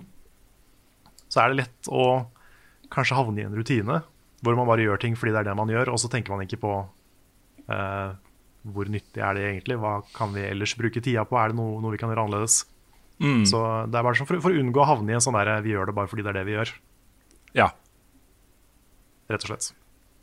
Det er helt riktig. Nei, Så vi eh, kommer til å ta noen grep her som, eh, som er, eh, som er bra. Så ja, og nødvendig. Yes. Kan, kan jeg ta et spørsmål? Ja, kjør på. Jeg synes det var et litt, jeg smilte litt av det spørsmålet her, fordi det er fra, det er fra Christer Horne. Han eh, spør hvor mye innsats slash mas er lagt ned i å få Rune interessert i disse JRPG-spillene som Carl er så glad i. Må det begynne å snø oppover før vi får se Rune gyve løs på Kingdom Hearts eller Final Fantasy? Du gjorde jo et hederlig forsøk der da, Carl. Ja, jeg har gjort flere hederlige forsøk, faktisk. Ja. Det var jo, eh, men det, det som liksom Det var én ting som knakk meg litt, og det var da, eh, det var da Rune avlyste Fyll med tull Kronotiger. Da ga jeg litt opp. Og det, Ja. det, det gjorde litt vondt i, i hjerterota. Å, den skurken. Så jeg vet ikke. Jeg har, jeg, har lagt, jeg har lagt det litt på is. Jeg har det. Jeg har fortsatt et håp om at du en dag skal oppdage den sjangeren. Og da kommer jeg til å stå klar med Aladdin-teppet og bare show you the world. Men um, nei, jeg, har- jeg har slutta å mase, føler jeg. Men jeg tror fortsatt at det fins JRPGs som du hadde digga. Jeg tenkte på det når, du- når du sa Persona 5 i stad, Frida. Det, Mm. det er jo et massivt spill.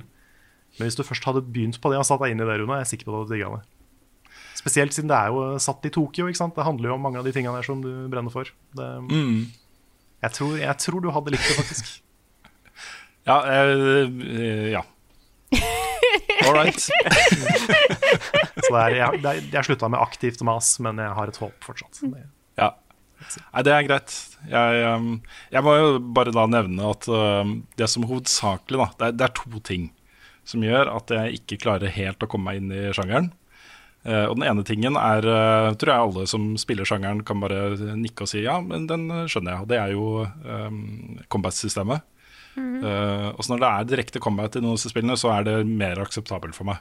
Eh, men det er det å ha oversikt over companions og uh, forskjellige typer abilities og uh, hjelpemoves og alle de tingene der. Jeg blir litt sånn ah, Jeg syns det er litt Ja. kjedelig, da. ja, fordi, men du er ikke noe inne i noen strategispill? Nei, jeg, jeg spiller jo ikke RTS og sånne sjangre heller. Nei, for, for det er liksom det er det, at ikke det gir deg noe å planlegge fights, planlegge moves, eh, Ja. minimaxe og sånne ting. For det, Nei. jeg syns jo det er kult. Ja, for det er den biten. Og det, er- ikke sant? Du forstår, det er sånn du kan akseptere. Som JRPG-fan så kan du akseptere den. Jeg aksepterer det fullt og helt, for jeg liker jo egentlig ikke heller så veldig godt eh, Altså, turn-based combat er ikke mitt go to. Eh, Det er noen spill der det funker, men da er ikke alle. Og så har du det andre punktet som her kan, det, det, Helt greit hvis folk sender meg hatmeldinger på dette her nå. Og det er greit hvis dere blir sure på meg også. Men det er jo et element innen gaming som jeg syns uh, uh, Som har blitt klarere for meg da etter hvert som jeg har sett flere og flere spillehistorier, så oppdager jeg at hvis du setter deg ned og faktisk analyserer historien, eller tenker at hadde dette vært en bok eller en film, så hadde dette vært ganske dårlig. Jeg skjønner hva du mener. Ja. Jeg, det det fins en del eksempler på det. Ja. Men jeg mener også da, at det fins eksempler på veldig gode historier. Ja da, At jeg, jeg, eh, den øh, aksepterer jeg fullt ut også. Men Fordi sånn som, eh, sånn som Det første jeg kommer på nå, er Valkyria Chronicles 4. mm, Som kunne vært en veldig god historie, men som har ting i seg som bare fucker den opp fullstendig og gjør den til et takras, liksom. mm, Og hadde de liksom gått noen runder til, kunne det blitt bra. Og det er en del RPG-stories som er sånn. mm. Uh, men jeg syns noen av Final Fantasyene, uh, kanskje ikke så mange av de nyeste, men noen liksom Jeg er veldig glad i ni. Um, det, er, det er noen JRPGs som har en veldig sammenhengende, fin, god historie. Mm. Um, jeg syns Persona 5 er kanskje litt av begge deler. Der har du noen litt sånne tamme, kjipe deler, og så har du noen veldig bra. Men, eh, men ja. Det er mange spillhistorier som, som rakner litt av og til. Ja. Det okay. føler jeg liksom generelt, egentlig. Kunne Ja. ha prøvd Octopath Traveler, da. Der har du sånne småhistorier, men så plutselig så bare Vent et lite øyeblikk. Denne ene tingen blir nevnt her òg. Er det en kobling til alle disse historiene? Huh? Mm. Hinter til hint, det er det. Bare sier det. Ja, jeg, jeg må jo legge til da at eh, den innsigelsen der gjelder jo for mange andre spill også. Ja. Som jeg sånn i i ettertid, når jeg har sett tilbake på spillet Jeg digga å spille. Og det er jo noe med den der interaktiviteten ikke sant, som gjør at du aksepterer mer av et spill enn av en historie som du blir fora gjennom en bok eller en film eller en Ja, TV-serie. det, det er et poeng at eh, JRPGs så er jo ofte historien noe av poenget. Altså det er noe Mm. av uh, høydepunktet i spillet. Ja. Det er i hvert fall story, musikk, uh, combaten, hvis man liker den. da. Det er jo på en Mm. måte derfor man spiller et, et JRPG. Ja. Derfor jeg er tilhenger av eh, Det jeg liker aller best av spillhistorier, er jo de som eh, er litt, eh, litt vage. Hvor det er Historien handler mye om, om opplevelsen. Og det som er av historie, ofte blir liksom fortalt via law og, og sånne ting, istedenfor at det blir fortalt. da. Men det fins masse unntak når en historie er godt fortalt, um, eller spesielt fortalt, med Metal Gear-serien f.eks. Um, så, så er jeg jo med. Jeg er med på det også. Eh, også Naughty Dog og Last of Us og God of War og eh, sånne ting. Det, er, det, er, det fins fortalte spillhistorier som jeg også digger. Mm. Så det er, ikke, det er ikke det. Men det er noen av disse historiene som eh, Nå har jeg ikke lyst til å si noen Nevne noen titler for å trekke meg eh, vreden fra folk. Men, eh, men det er noen av disse historiene som hvis man setter seg ned og analyserer den og studerer den så, Jeg, jeg skal ikke mase på deg om det, men jeg er veldig spent på hva du hadde syns eh, hvis du hadde spilt Final Fantasy 7-remaken. For den historien er jo veldig kjent. mm, For å være, altså Mange er veldig engasjert i den. Den er jo rotete som mange andre spillhistorier, men eh, jeg, jeg er spent på å oppleve den sjøl, og jeg er spent på hva andre syns. Ja, jeg er ikke fremmed for tanken. Det går an. Ja. Det er mulig. Og, og hvis, jeg har også tenkt på liksom, Kanskje vi skulle satt oss ned sammen en gang. Spilt Krono Trigger sammen, f.eks. Ja. Skal vi ta neste spørsmål? Jeg så det kom et lite glimt av håp i øyet ditt. Jeg Ja, ja, ja, bare, for det, det jeg husker du har nevnt en gang, så, men, men kanskje ikke. Det er greit. Det er greit. Jeg har eh, tid til et lite spørsmål til. Har du sett noe, Nick? Uh, ja. Ja. Men, men jeg kan eh, Skal vi se, for det er fra Sindre Svensrud fra Patron. Mhm. Som spør om har dere en opplevelse i et spill som dere er mest stolt av å ha gjennomført. Er det en spesiell boss eller trophy fra et spill? Men da kan vi liksom si at det ikke, ikke kanskje det mest eh, det du er mest stolt over, men bare er et øyeblikk i et spill du er ganske stolt over. Som bare Ja, dette fikk jeg til, altså. Dette, No hit Nei, ikke no hit. No item run min i Undertale er jeg fornøyd med. Ja. Det her kunne vært en fin, uh, fin Segway inn i den siste tingen jeg skulle prate om. I hva jeg spilte i det siste, hvis jeg rekker det før vi må avslutte. Har du spilt Undertale? Nei, nei, nei, siste du har spilt Ja, ja, ja, ja, ja, ja, ja. Det, Ja. Du har spilt eh, Kingdom Hearts, ja. Ja, men jeg kan først uh, bare liksom nevne generelt alle Souls-spill. Og um, ja, Minecraft Hardcore, den type ting. Er jeg fornøyd med. yeah. Har du noe, Nick? Eh, Da jeg Det er så veldig gøy å spille Dishonored-spillene på nytt igjen, ikke sant? For det er liksom rund spillet uten å bli oppdaga, og rund spillet med å ja, ikke, bli, ikke drepe noen og sånn. Og jeg hadde lyst på The Ultimate Challenge, og det var å runde spillet uten å bli oppdaga. Uten å drepe. Og bare bruke den ene kraften du har fått i spillet. Den derre blink. Eller, og det, det var fett å få til. Var, og da fikk jeg platinum også, så det var liksom oi, oi, oi, Det var en flott avslutning. Jeg har gjort det samme, da, bortsett fra den siste. Og så har jeg tatt det uten å drepe noen og uten å bli oppdaga en eneste gang. Mm. I begge Dishonored-spillene. Og det er, det er så fett, altså. Det er så kult. Du blir slik en mester. Mm. Ja, det er helt konge. Du, da oppdager du hvor bra disse levelene faktisk er designa også. Mm. For de har gitt deg muligheten til å gjøre det. Det er bare, Du må kanskje leite litt og ha litt god forståelse på eh, movement og sånne ting for å få det til. da Ja, helt sant. Mm. Altså, Jeg tror mitt standpunkt Det er nok sannsynligvis eh, Father Gascoigne også, i Bloodborne. Fordi eh, Bloodborne var et sånn derre ugjennomtrengelig fort av eh, lidelse og kjiphet for meg, da. Fra utsiden. Jeg tenkte at det her kommer jeg aldri til å få til. Jeg kommer aldri til å spille dette spillet her. Og det å faktisk da få ned den første ordentlige bossen i det spillet, og skjønne at uh, god damn, det spillet her også, det er så bra, og jeg får det til. Det var lykkerus, altså. Det var lykkerus uten like. det var helt konge. Da, Karl, skal du få lov til å eh, i noen få Ja. minutter snakke om eh, Nå blir det spoilers. Det blir full spoilers, for, uh, altså ikke for historien i Kingdom Hearts 3, men for den siste optional bossen i DLC-en. Mm. Skulle vi tatt liksom hele avslutninga med ha det bra og alt mulig rart? kan og gjøre så- det. Kan vi gjøre. Kan vi gjøre. Da tar jeg eh, spillet min.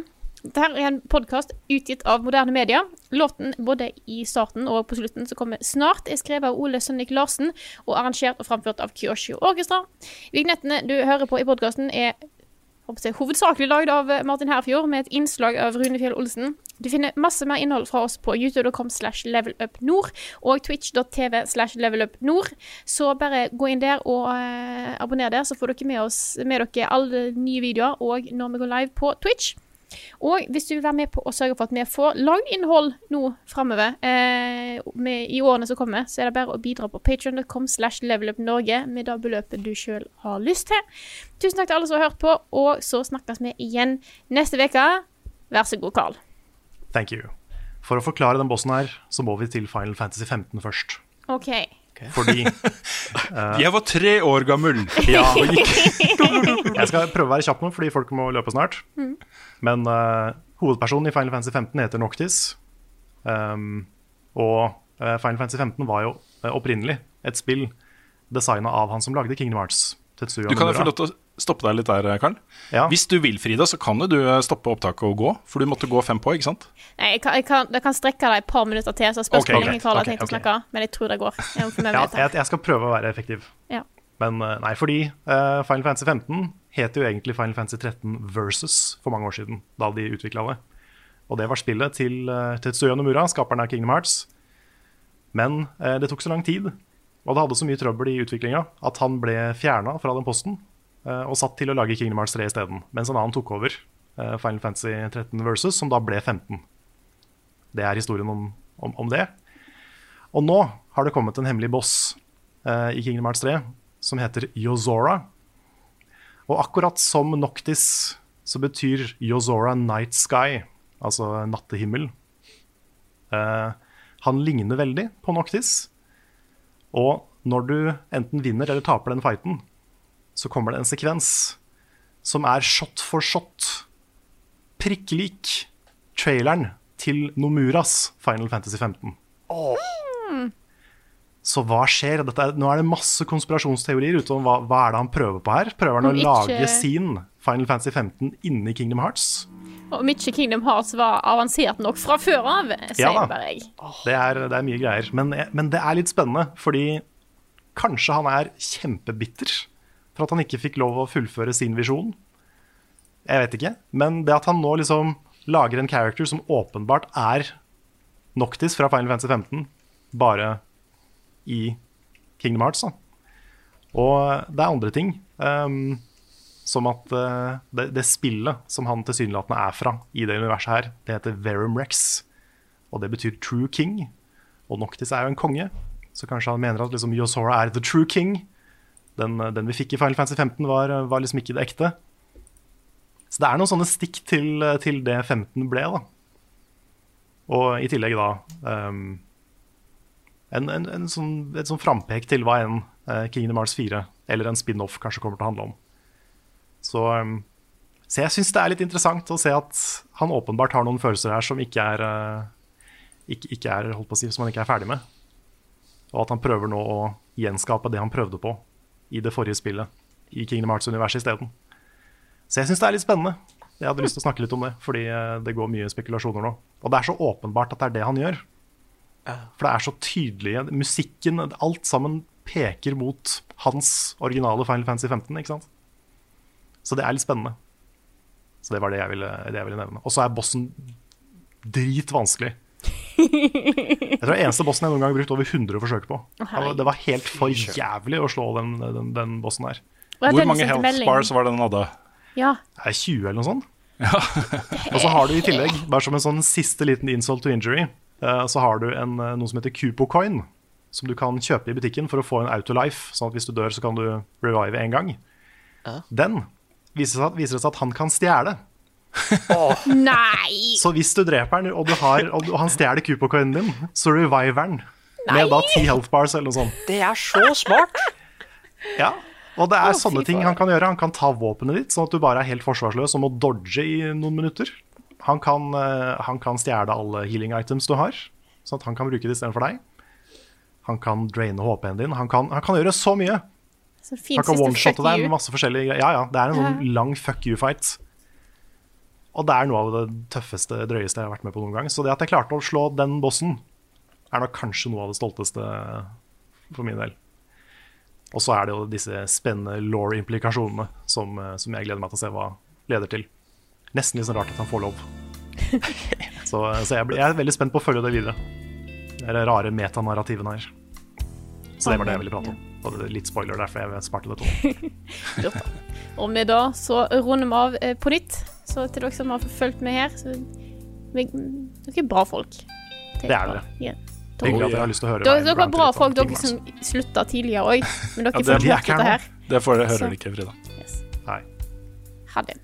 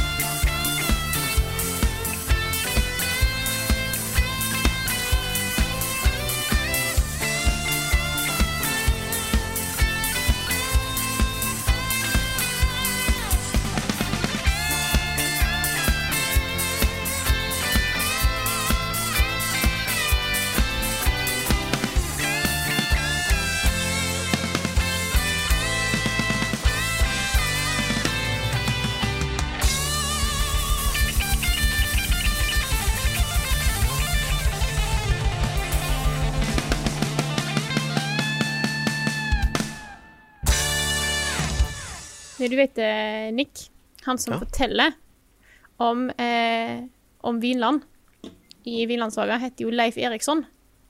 Oi! Og Leif Eriksson er jo han som er kjent for å ha vært en av de første til å dra til Amerika. Å, ikke si det, da! For det er jo en så kul fact. Den, den kunne jeg tatt med i anbefalingen. Det, Altså, så det, så det, det er faktisk viktige, viktige og ekte personer. Leif Eriksson er jo eh, kanskje den første som oppdaga Amerika. Og han var sønnen til eh, Eirik Rødskjegg, var han ikke det? Er det ikke det han het? Oh, det kan godt være. Jo da, Erik den uh, røde. Mm. Oh, Nei, dere vet jo mer om det her enn meg nå. Um, Det er er kult, er er det ikke? Torkel en ekte, Torkel en ekte person? Ja, Torkel tror jeg òg er basert på en annen fyr. Nei, watch uh, No joke. Torkel crazy dude. Uh... Hva er det han ble kalt. Torkel Crazy Dude. Torkel Crazy. Men eh, Nei, du men vet han hva jeg er- er ja. Ja, altså, han, han er fortsatt favorittkarakteren min. ja, han altså, er helt uten eh, Vi skal kanskje ha med litt av dette her sånn etter rulleteksten i podkasten. Jo da. Eh, Torkjell Høge. kanskje. Torkel, eh, Torkel Tål eh, fins. Hmm. Han var Han var en jomsviking. Dæven. Åh, det Nei, er skal vi kjøre kult. nyheter, folkens? Ja, ja, Yes. sorry, sorry. Har du et enkeltpersonforetak eller en liten bedrift? Da er du sikkert lei av å høre meg snakke om hvor enkelt det er med kvitteringer og bilag i fiken, så vi eh, gir oss her, vi. Fordi vi liker enkelt. Fiken superenkelt regnskap.